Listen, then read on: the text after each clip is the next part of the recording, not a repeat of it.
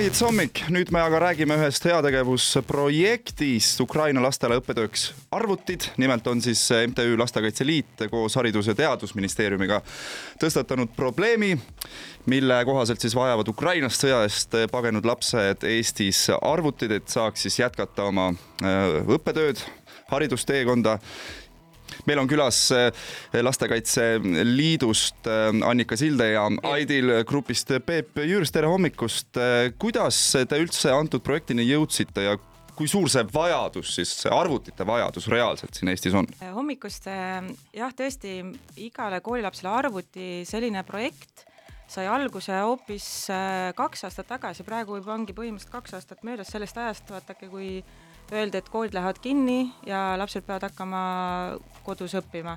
ja siis äh, hästi kiirelt äh, sai alguse üks kodanikualgatus, mille nimi oligi Igale koolilapsele arvuti. ja kuu ajaga siis sel hetkel äh, jõudis lasteni tuhat kuussada arvutit. et see oli kuu ajaga selline hästi kiire töö. ja siis pärast seda see projekt saigi Lastekaitse Liidu kätte nii-öelda me jätkasime siis juba äh, päris äh, suurte annetustega niimoodi, et ettevõtted annetasid ja meie siis vahendasime seda kohalikele omavalitsustele.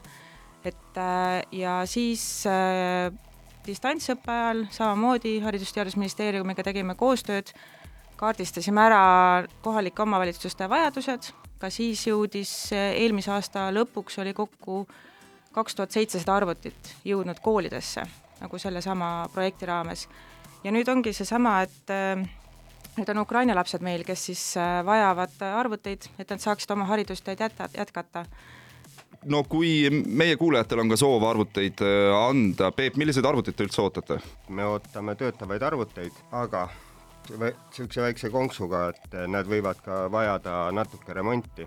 et meie siis High-Deali ja Valgeklaari tehnikud teevad kui vaja, siis ka mitmest ühe kokku nii et, ähm, et ootame ka niisuguseid natukene noh, et aku ei pea või, või ekraan on katki arvuteid. Ähm, me eelistame sülearvuteid, sest neid on lihtsam transportida äh, ja nad on no ütleme, kasutajale mugavamad, eks ju, et aga ei pea olema Apple'i toode, et kuna Apple'i ei pea olema jah mm -hmm., Apple'i toode, et äh, me võtame ka vastu vastu ka Windowsi arvutid mm. -hmm. no oletame, et mul äh, kodus äh, on selline monitor või mõned sellised arvutihiired, et kas te sellist tehnikat ka vastu võtate? jaa, oleme selle üleskutses välja öelnud, et äh, võib tuua monitore, klaviatuure, hiiri, eks me hakkame neid komplekteerima ja siis, siis paneme kokku, et kui see vajaduse fail nüüd meile jõuab lastekaitsest, siis on juba hea niisugune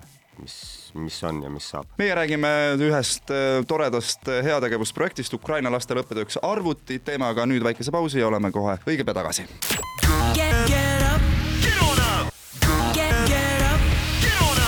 Maihits hommik, me räägime heategevusprojektist Ukraina lastele õppetööks arvutid, meil on külas Peep Jürs Aidil grupist ja samuti siis ka Annika Silde MTÜ Lastekaitse Liidust. arvuteid tegelikult on võimalik ka otse siis Lastekaitse Liitu Äh, toimetada. just, et äh, Lastekaitse Liit võtab ise ka samamoodi vastu äh, just ettevõtetelt, et me teeme koostööd ettevõtetelt, ettevõtetega ja vahendame need siis ise kohalikele omavalitsustele, sest meil on olemas pilt, kuhu kõige rohkem neid arvuteid on vaja ja proovime siis niimoodi vastavalt sellele nagu jaotada. No..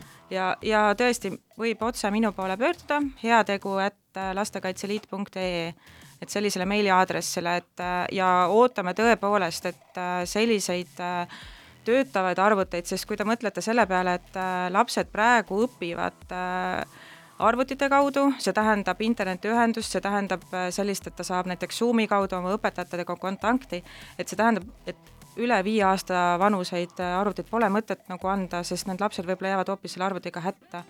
Ja ettevõtted siis võiksid äh, need arvutid ise oma andmetest ka puhtaks teha, et ei oleks seal nagu selliseid selliseid andmeid, mida te ei taha, et läheksid edasi. aga mida tehakse selliste arvutitega, mida meie inimesed võib-olla toovad, mis äh, siis ei ole kõlbulikud edasiandmiseks, et teada on, et on olnud siin ka igasuguste riideabiga, et inimesed ikkagi väga kriitiliselt ei vaata sellele asjale peale, toovad nagu noh, nii-öelda prahi ära, et äh, mis selliste inimestega tehakse ja arvutitega? esimese hooga me võtame ikkagi need arvutid kõik vastu ja see ongi meie, meie mõte, et me Peep võtab vastu siis, eks jah, et me teeme kahest või kolmest ühe kokku, ühe et töötleja. varuosadeks ikkagi Jaa. läheb.